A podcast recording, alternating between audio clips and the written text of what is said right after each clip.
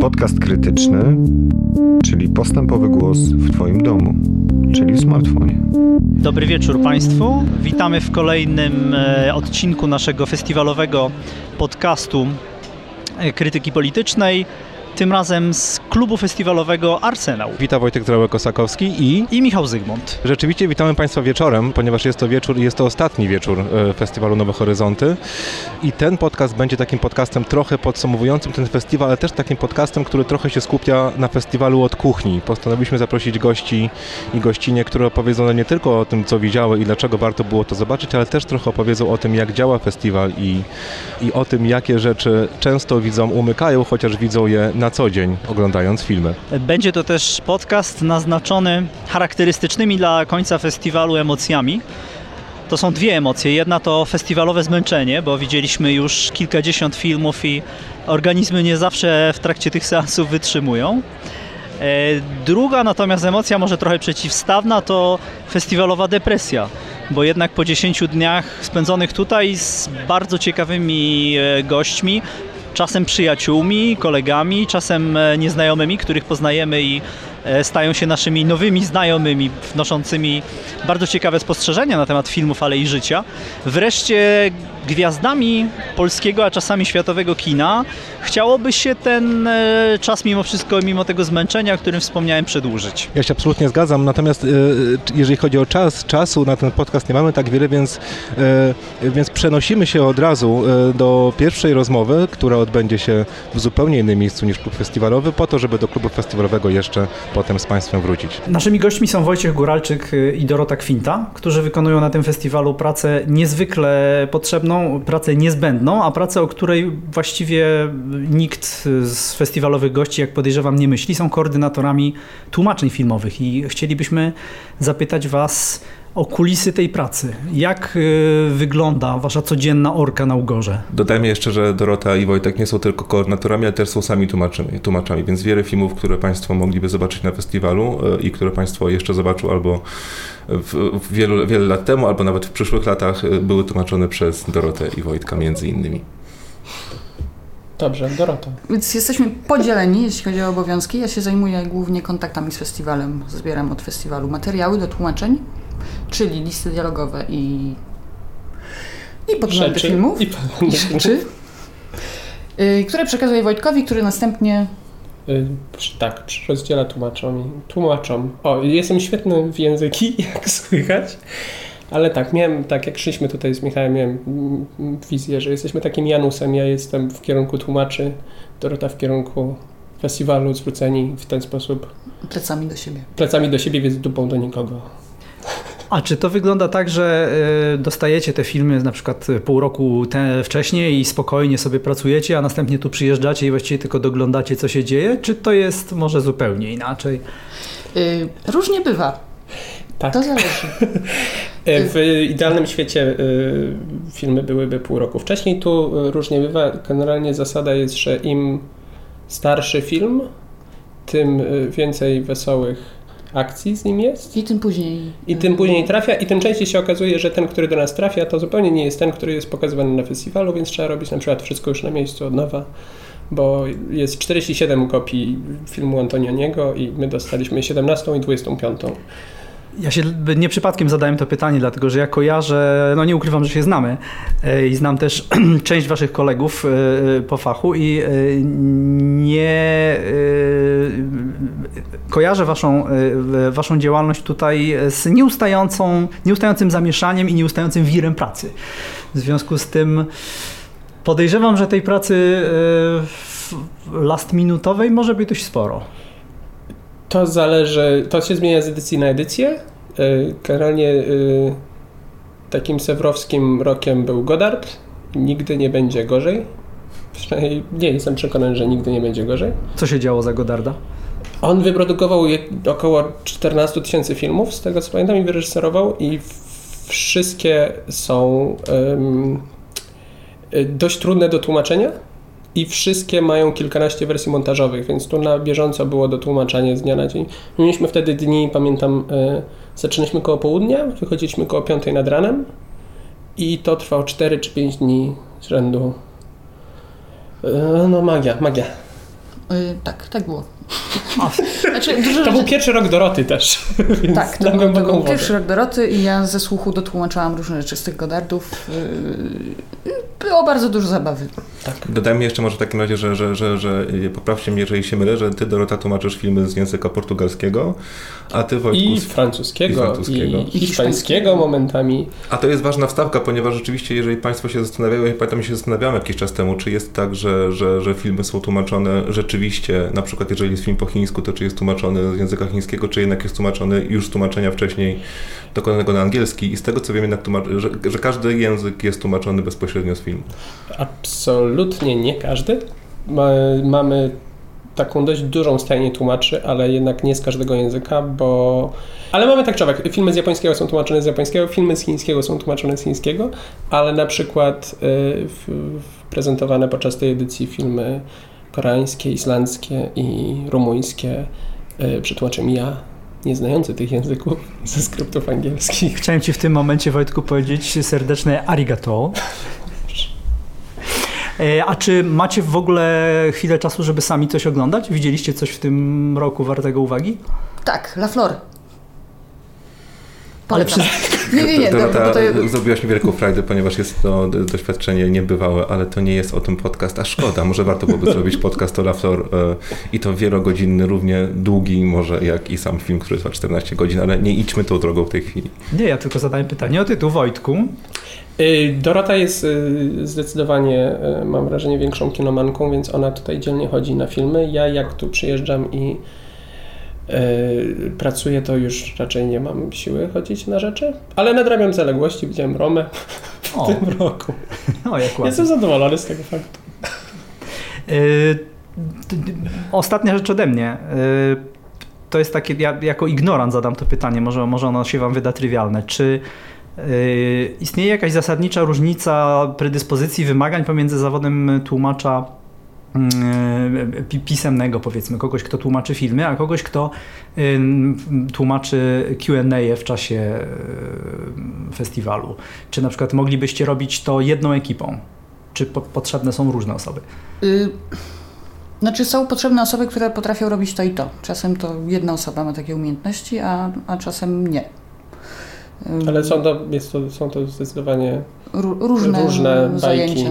Ja Mhm. nie, nie byłbym w stanie Q&A zrobić, bo po prostu bym odeszłyby ze mnie wody, jakbym stanął przed publicznością, więc nie. A ja w piątek będę robić Q&A. Ale jeszcze rozmawiając o specyfice e, tłumaczenia filmu, bo to jednak jest specyfika, to nie jest tłumaczenie literackie, to Mhm. nie tłumaczy się zdanie po zdaniu. E, Moglibyście o tym więcej powiedzieć? E, O trochę takiej mechanice tłumaczenia filmów? E, Znaczy, no tak, no na pewno to są bardziej syntetyczne tłumaczenia i przeważnie e,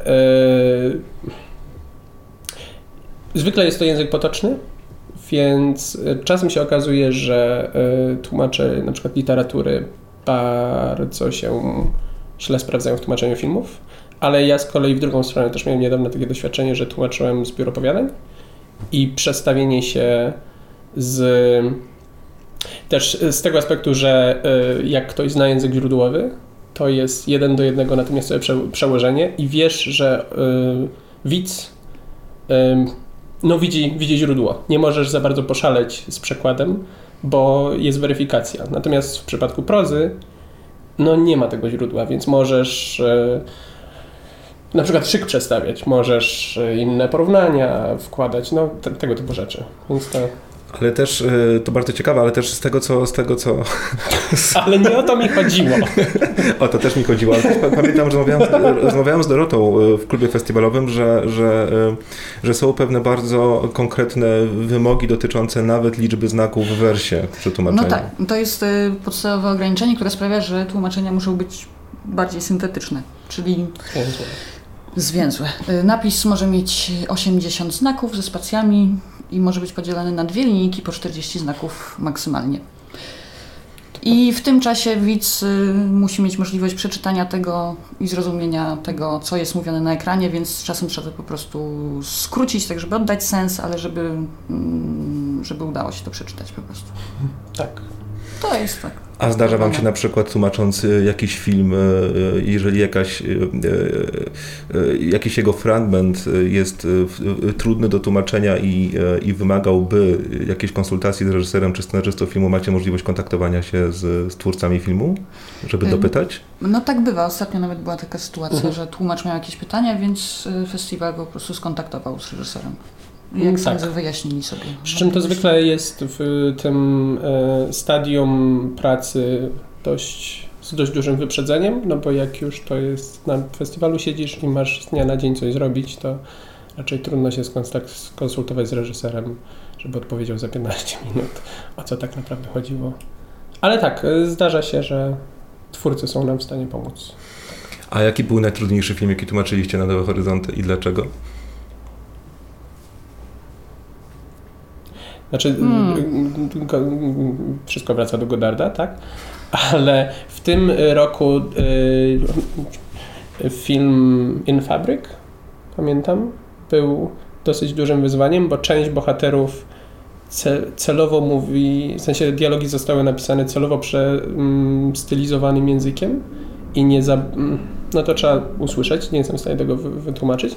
Natomiast y, drugi segment to były bardzo szczegółowe y, opisy naprawy pralki, bardzo techniczne. Więc jak już się ucieszyłem, że jedni znikli z ekranu, to nagle pan zaczął tłumaczyć, który wał korbowy, gdzie trzeba wymienić i tak dalej. Więc to, to było tak, to było duże wyzwanie. Dorota? No u mnie w tym roku potencjalnie najtrudniejszy był film Żółta Noc, brazylijski. Yy którego bohaterem zbiorowym jest grupa młodzieży, która mówi jak to młodzież. Na szczęście okazało się, że jest, ten tekst jest tak gęsty, że nie wszystko zmieści się w napisach, więc y, wszystkie takie odzywki młodzieżowe mogłam z czystym sumieniem wyciąć, no bo ważniejsze było sedno, a nie, a nie to, jak oni na siebie garnisz. wołają. Tak. Pytamy też wszystkich gości, więc Was też chętnie zapytamy, y, jakie były do tej pory w każdym razie ulubione filmy Wasze z tego festiwalu w tym roku. La Flor. La Flor. To jest jedyna słuszna odpowiedź. No to ja już, ale mimo wszystko wezmę udział w tym konkursie. E, też dla e, Gomera, dla mnie. Zgodnie z zapowiedzią wracamy do klubu festiwalowego, w którym to przed chwilą spotkałem e, Wojtka Góralczyka, który, który chciałby dodać pewne postscriptum do tego, co Państwu powiedział o tłumaczeniach. Pytasz mnie często w listach, Wojtku, na czym polega moja praca tutaj. E, więc przykładowo to był bodajże piątek. E, wchodzę do biura, i mam dwa projekty, które muszę zrealizować natychmiast. I pierwszy to jest dotłumaczenie ze słuchu na język polski wiersza Ginsberga, yy, wypowiadanego przez Francuza z bardzo gęstym akcentem, idącego przez lat, w jakimś filmie z lat 70. Wiersz mówiony, nie za bardzo jest transkrypcja.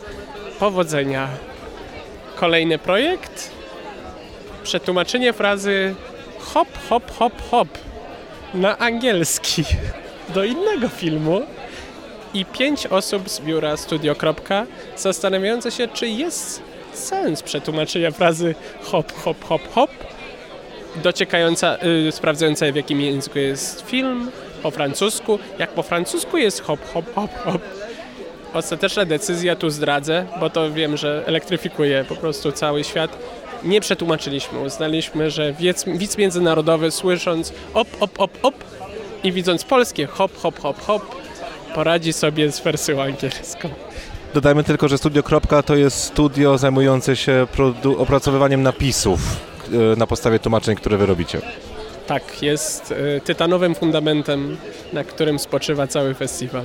Przed, przed chwilą z Wojtkiem rozmawialiśmy o Studiu Kropka i nagle tak się okazało, że Studio Kropka e, do nas e, zawitało, więc mamy wspaniałe uzupełnienie wątku o tłumaczeniach, o wątek o napisach. Kaja Klimek.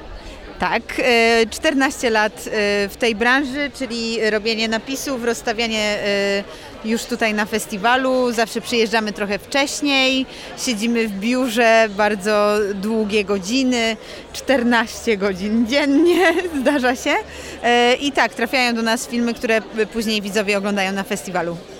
A czy to jest tak, że wy te, dostajecie te tłumaczenia i po prostu je wrzucacie w program, czy jednak macie tym, jakąś kupę roboty z tym macie związaną? E, Czasami trzeba coś poprawić, coś dostosować. Czasami jest tak, że e, tłumacze e, bardzo dużo chcą powiedzieć na temat tego, co mówią bohaterzy filmu, więc trzeba to czasem skrócić, czasem coś wyrzucić.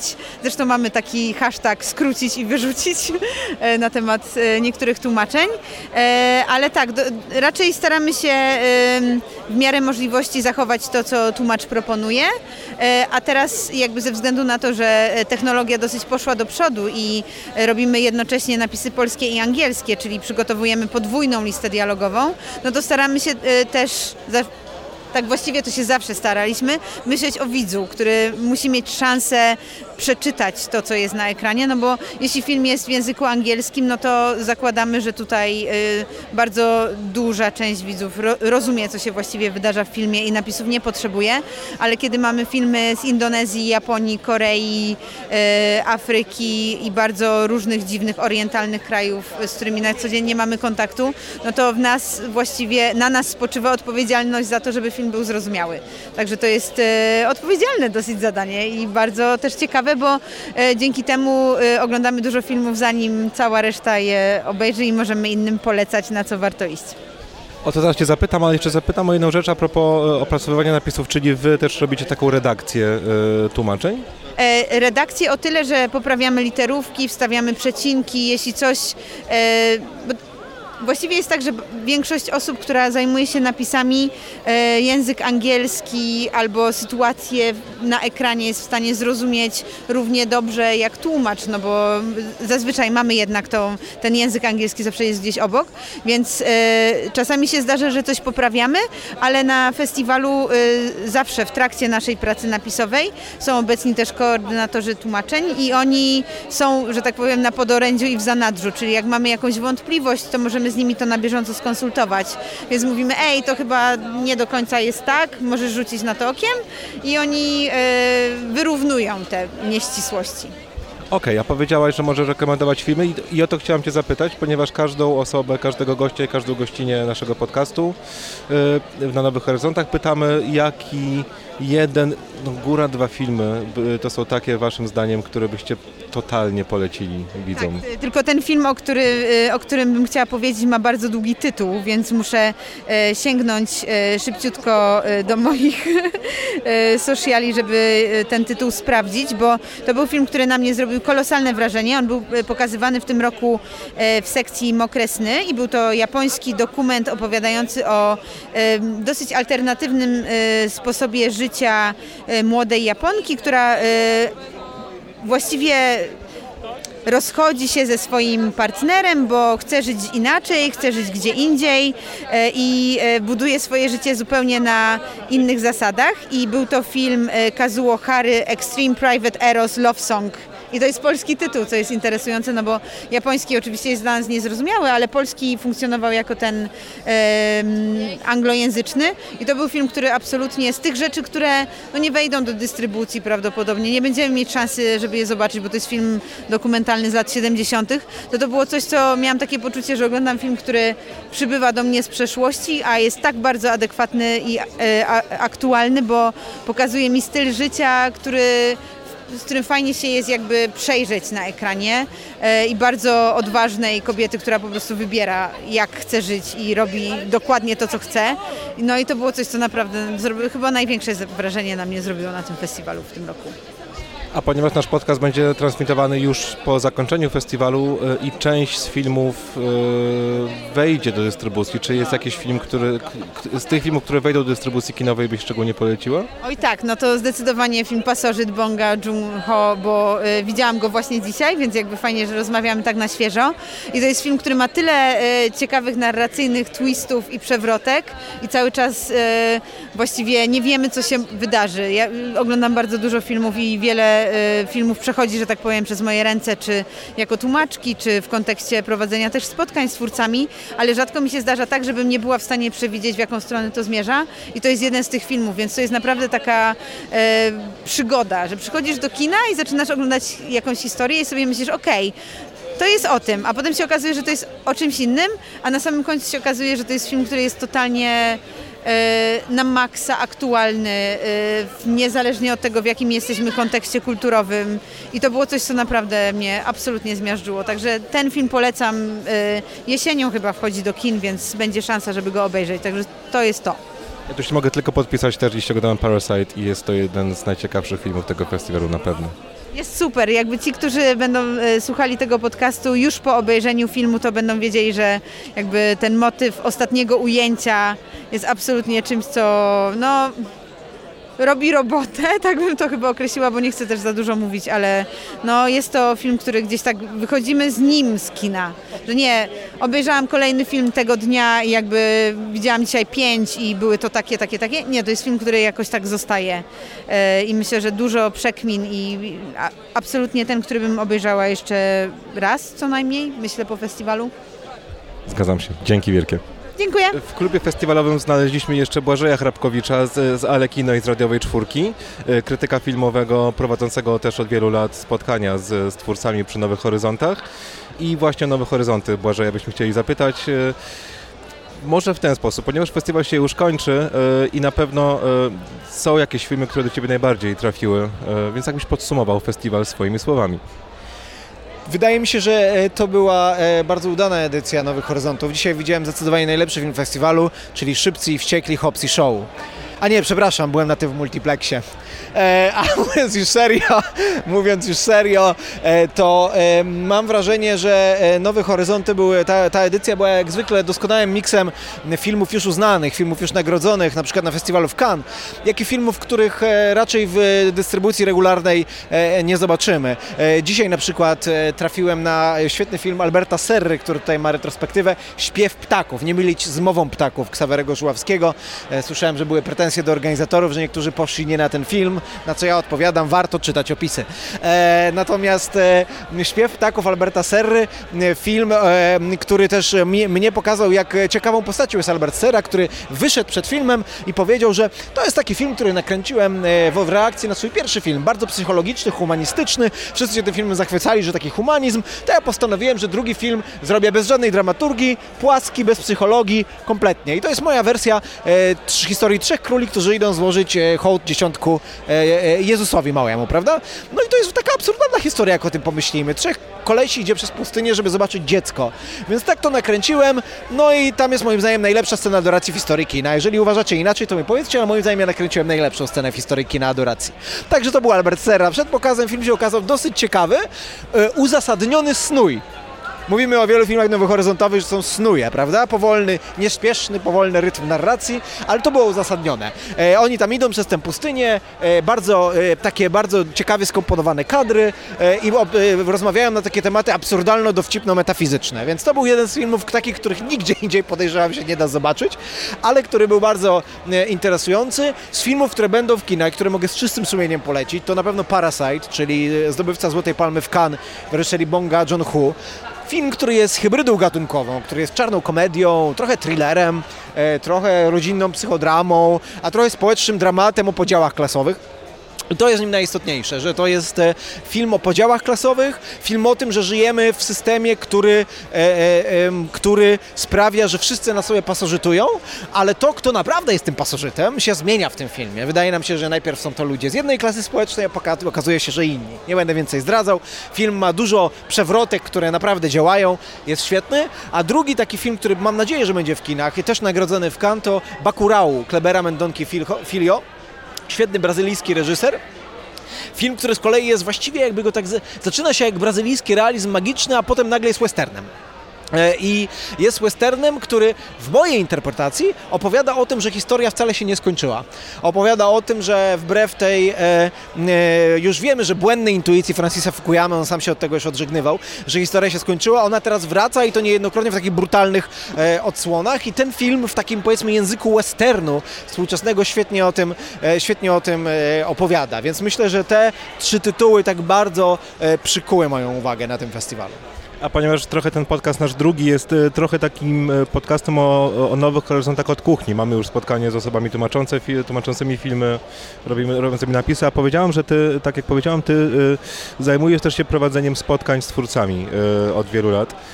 Czy jakaś szczególna sytuacja z prowadzenia spotkań z twórcami filmowymi ci utkwiła w pamięci po tej edycji? E, W tym roku było bardzo spokojnie, muszę powiedzieć. E, Nie było żadnych, e, żadnych ekscesów, ale bardzo pamiętam, że publiczność była rozbawiona, kiedy jedna z reżyserek, którą prowadziłem spotkanie, użyła sformułowania fucked up, a tłumacz był bardzo uprzejmy i przetłumaczył jako sknocone. To był, to mi to, bo to mi przypomniało tych, te napisy albo starych lektorów telewizji, tak? którzy kiedy padało słowo właśnie fuck, to tłumaczenie było motyla noga, prawda? Albo psia krew. E, to prawda, prawda, Do diaska. do diaska, prawda? Tak, do Kreuzset i tego typu klimaty. To było naj, e, najzabawniejsze, a spotkanie, które najbardziej mi utkwiło w pamięci, to jednak spotkanie po premierze, premierowym pokazie Mowy Ptaków. Osiem osób na scenie, e, godzinne spotkanie, no trzeba, by, wymagało to pewnego rodzaju e, gimnastyki e, oraz e, tam była pani, która zadała pytanie z publiczności, po czym sama sobie na nie odpowiedziała i to było interesujące. Zadała pytanie Ksaweremu Żuławskiemu, reżyserowi o Gombrowicza, o to, czy on się inspirował Gombrowiczem, bo ten film jest jej zdaniem taki gombrowiczowski, mówiąc o polskości. No i Żuławski się tak zaczął zastanawiać, Ksawery Żuławski tak zaczął się zastanawiać, mówił, no tak, to też Witkacy, dwudziestolecie międzywojenne, a ona, bo to chodzi, że to, to, to i to było Gombrowicza. A Żuławski tak, Ksawery Żuławski popatrzył na nią i, a, no to jeśli tak, to tak. Więc pani sobie sama odpowiedziała na pytanie, to takie wygodne dla moderatora, prawda? Ja już się nie muszę męczyć, e, ludzie sobie sami odpowiadają na pytania, twórcy też sobie mogą posiedzieć spokojnie, idealnie. A mówiąc już e, serio, to, to, były, to te spotkania tutaj są zawsze bardzo, w większości bardzo inspirujące, bo to są twórcy o bardzo osobnym języku, e, to są twórcy o bardzo osobnym języku. E, Osobnym. osobnym dołączył do nas właśnie dyrektor artystyczny festiwalu Marcin Pienkowski. Pozdrów Marcin, e, czytelników krytyki politycznej. Ja już e, udzielałem wywiadu krytyce A to jeszcze raz pozdrów. Bardzo pozdrawiam. Dziękujemy bardzo, dziękujemy bardzo. E, I e, te, to są twórcy o bardzo e, osobnej wrażliwości, o bardzo swoim e, z takim e, bardzo e, e, szczególnym spojrzeniu na świat, więc bardzo dobrze jest ich posłuchać i wejść w nimi, z nimi w dialog. Dla mnie to jest e, czysta przyjemność zawsze. Dzięki wielkie. Dziękuję również. Kolejną e, naszą gościnią, gościową, gościessą jest e, tego wieczoru jednego z, ostatniego, jednego z ostatnich e, festiwalowych wieczorów w klubie festiwalowym Arsenał. E, Urszula Śniegowska, e, dyrektor, teraz powiedziałem męską końcówką, a więc dyrektorka festiwalu amerykańskiego, American Film Festival, który, powiem to po cichu, jest moim ulubionym festiwalem filmowym. Związana oczywiście z, ze światem gutkowym od wielu lat.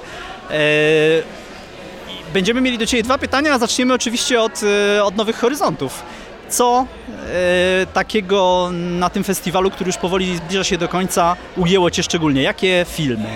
A Czy, jeśli mogę powiedzieć o filmach, które widziałam wcześniej, bo tutaj w ramach festiwalu tak naprawdę mam e, mimo wszystko mm, dużo obowiązków i oglądam jeden, dwa filmy dziennie, więc e, no nie mam tak pełnego przeglądu, ale jednak widziałam parę filmów trochę e, przed, fes- przed festiwalem albo e, jakoś tam z innych e, źródeł, że tak powiem, legalnych, to e, najbardziej podobał mi się, czy najbardziej, no Cieszę się bardzo, że na tym festiwalu znalazł film Bacurau e, Mendozy Filio, bo jest to film antyamerykański, ale w gruncie rzeczy e, no, nies- nie, niesamowicie antropologiczne podejście do współczesnej kultury i, różnych e,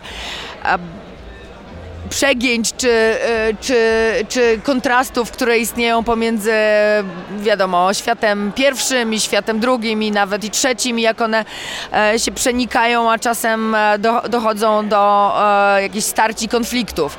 Dochodzi do starć i konfliktów między nimi. I tutaj fajna, fajn, mia, miałam taką dodatkową przyjemność z oglądania tego filmu, czy z odkrycia tego, że Amerykanów w tym, w tym filmie gra e, taką grupę Amerykanów, e, dla tych, co widzieli, e, któ- którzy tam przyjeżdżają do Brazylii, do interioru brazylijskiego, zabawić się. Grają drugorzędni, można powiedzieć, aktorzy z Austin, z Teksasu, gdzie istnieje takie specyficzne środowisko artystyczno-filmowe, które często jest zresztą reprezentowane na American Film Festival. To są często bardzo fajni reżyserzy i aktorzy. E, właśnie podejrzewam, że zostali zatrudnieni właśnie po to, żeby nie byli to e, w tym filmie, żeby nie byli to rozpoznawalni amerykańscy aktorzy.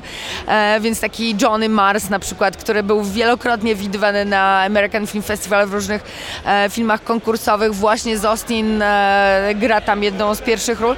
No generalnie mm, bardzo przemówił do mnie ten film i stylem, i, e, i jego wymową, taką właśnie e, antyamerykańską, w tym sensie antycywilizacyjną, czy może anty taką postępową za wszelką cenę. No generalnie e, myślę, że ten film jakoś tam odpowiada naszym tutaj wspólnym ideologicznym poglądom ale też takiego bar- bardziej przyziemnego może powodu e, polecam bardzo film argentyński, argentyńsko-amerykański, który miałam okazję jakoś tam wspierać i, e, i promować w ramach e, takiego programu US in Progress, który robimy na American Film Festival, który nazywa się Initials SG, inicjały SG. E, chodzi o e, e, takiego, e, o, e, takiego akto, aktora właściwie, czy, czy faceta e, Argentyńczyka, który podaje się za argentyńskiego Serge'a Gainsbourga ze wszystkimi e, e, cechami pozytywnymi, negatywnymi e, tego piosenkarza i amanta. E, I no właśnie jest to koprodukcja amerykańsko e, amerykańsko-argentyńska. A dodajmy, że sam jest aktorem drugoplanowym, który w, w filmie i nagrał płytę z piosenkami Serge'a Gainsbourga też w Zgadza się, filmie. zgadza się, a do tego Maciek Zieliński, który jest polskim kompozytorem, zrobił e, w ramach właśnie współpracy z naszym programem, zrobił muzykę e, częściowo do tego, do tego filmu. No w każdym razie film e, zrobili go reżyserzy, duo reżysersko e, au, e, scenariuszowe Rania Atiech i Ga, e, Ga, Ga, Daniel Garcia, których może niektórzy z, ze słuchaczy ko, kojarzą z filmu H, e, ale tym razem jest to komedia ko, kryminalna, co zupełnie jest nietypowe może dla ich e, e, gatunku. Y, A jaki jest tytuł filmu? Bo chyba jeszcze... Initials, nie, nie, pojawił się Initials SG, czyli inicjały SG, Initials SG.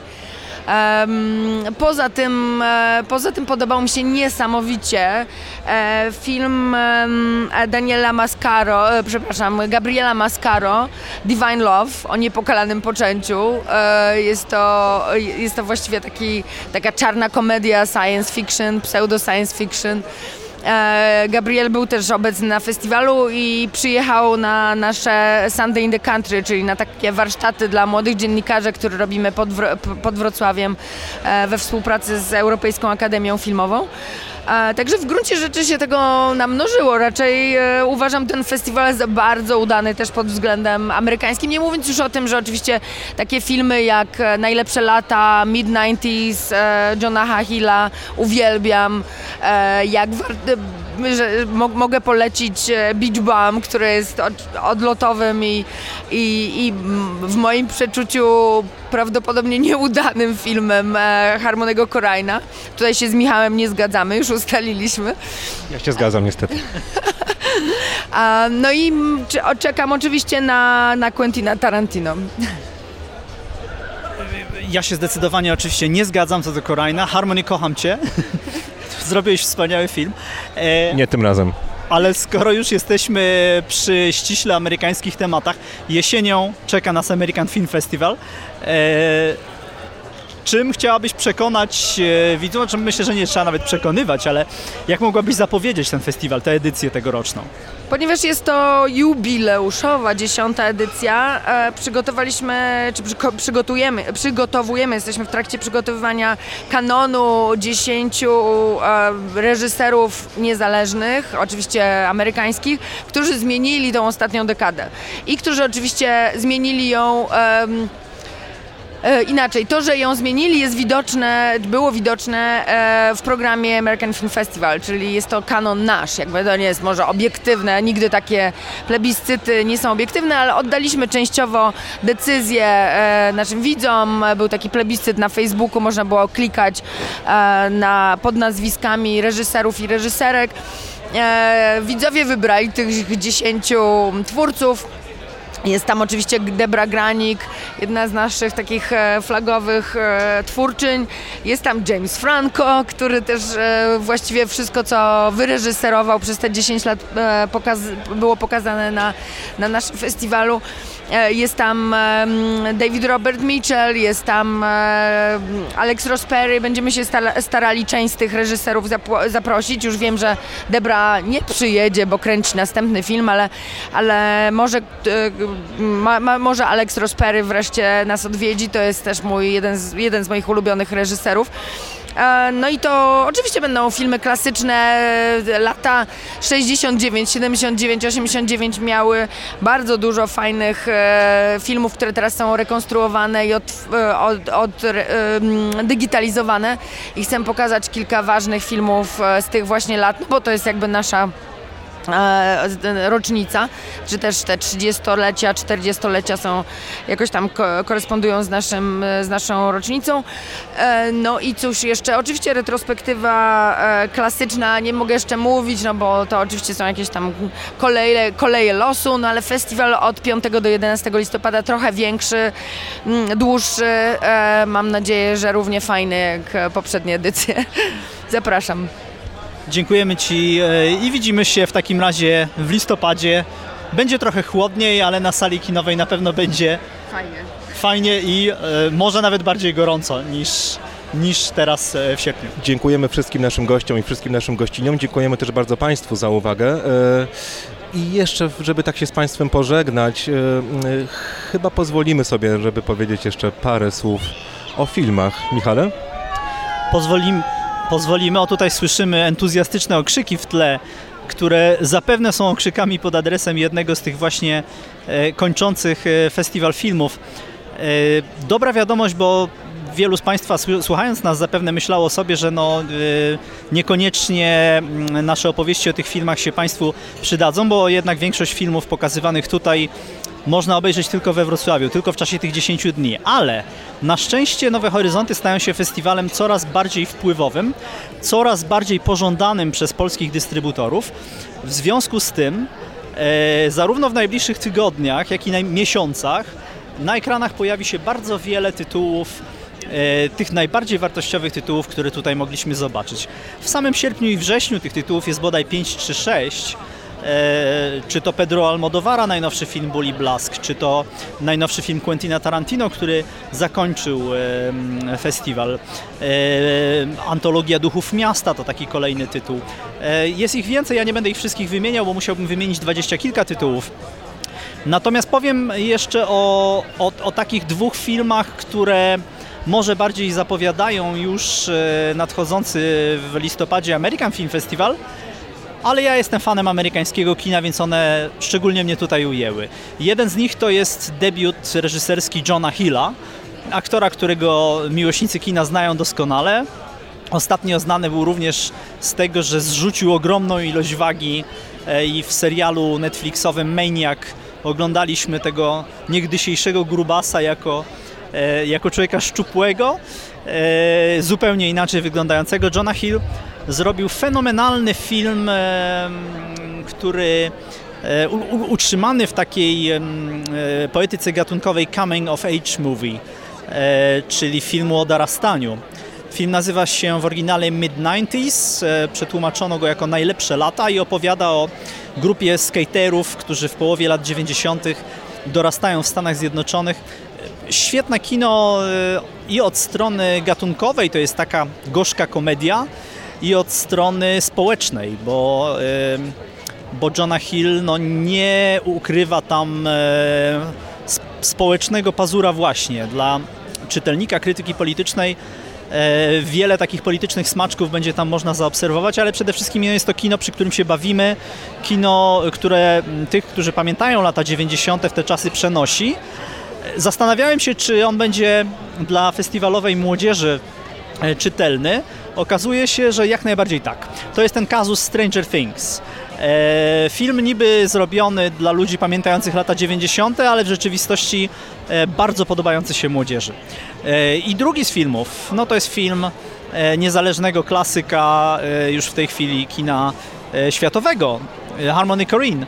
E, e, najbardziej przystępny film Korina, najbardziej klasyczny filmowo i fenomenalnie zagrany. No wystarczy powiedzieć, że główną rolę gra tam Matthew McConaughey. Tytuł to Beach Bum, czyli plażowy haj, e, jak prze- przetłumaczono film e, na polski. Harmony Korine, e, przepraszam, e, Matthew McConaughey oczywiście e, gra tam awangardowego poetę, który rzeczywiście wygląda trochę jak Menel, mimo miliardów na koncie.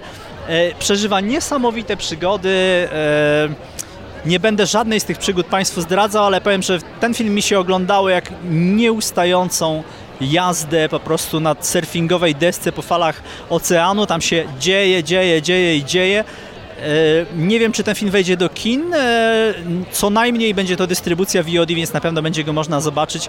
I tymi dwoma tytułami ja się z Państwem pożegnam. A ja się pozwolę z Michałem na końcu nie zgodzić. Uważam, że film Beach Bum jest zabawny przez pierwsze 15 minut, potem ten żart trochę przestaje być zabawny, chociaż na pewno warto go zobaczyć.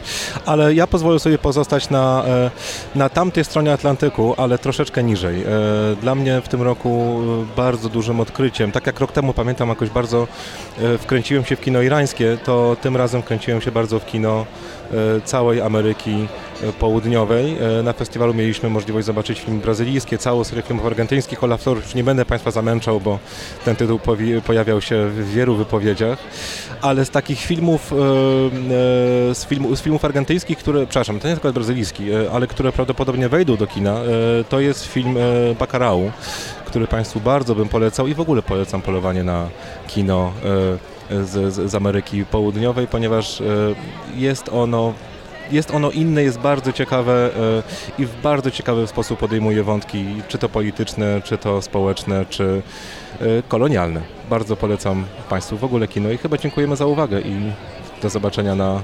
Jeszcze Michał coś chce powiedzieć? E, Zapomnieliśmy powiedzieć o rzeczy być może najważniejszej, a mianowicie o zwycięzcy konkursu głównego festiwalu Nowe Horyzonty. Zapomnieliśmy dlatego, że żadnemu z nas niestety się tego filmu nie udało w trakcie festiwalu obejrzeć. Film Bait, czyli Przynęta, film brytyjski nakręcony ponoć na taśmie 16 mm. Mam nadzieję, że tradycja wprowadzania do obiegu kinowego zwycięzców Nowych Horyzontów zostanie w tym roku podtrzymana, bo mówiono o tym filmie wyłącznie dobrze lub bardzo dobrze. E, Więc z kronikarskiego obowiązku odnotujemy jeszcze, że przynęta e, wygrała. Ja natomiast życzyłbym sobie, żeby do obiegu kinowego trafił jeszcze jeden film z konkursu Kokodi Kokoda.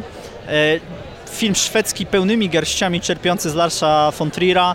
Film o żałobie, ale mówiący o tej żałobie w sposób e, absolutnie e, niespodziewany, e, na krawędzi horroru, takiego surrealizmu.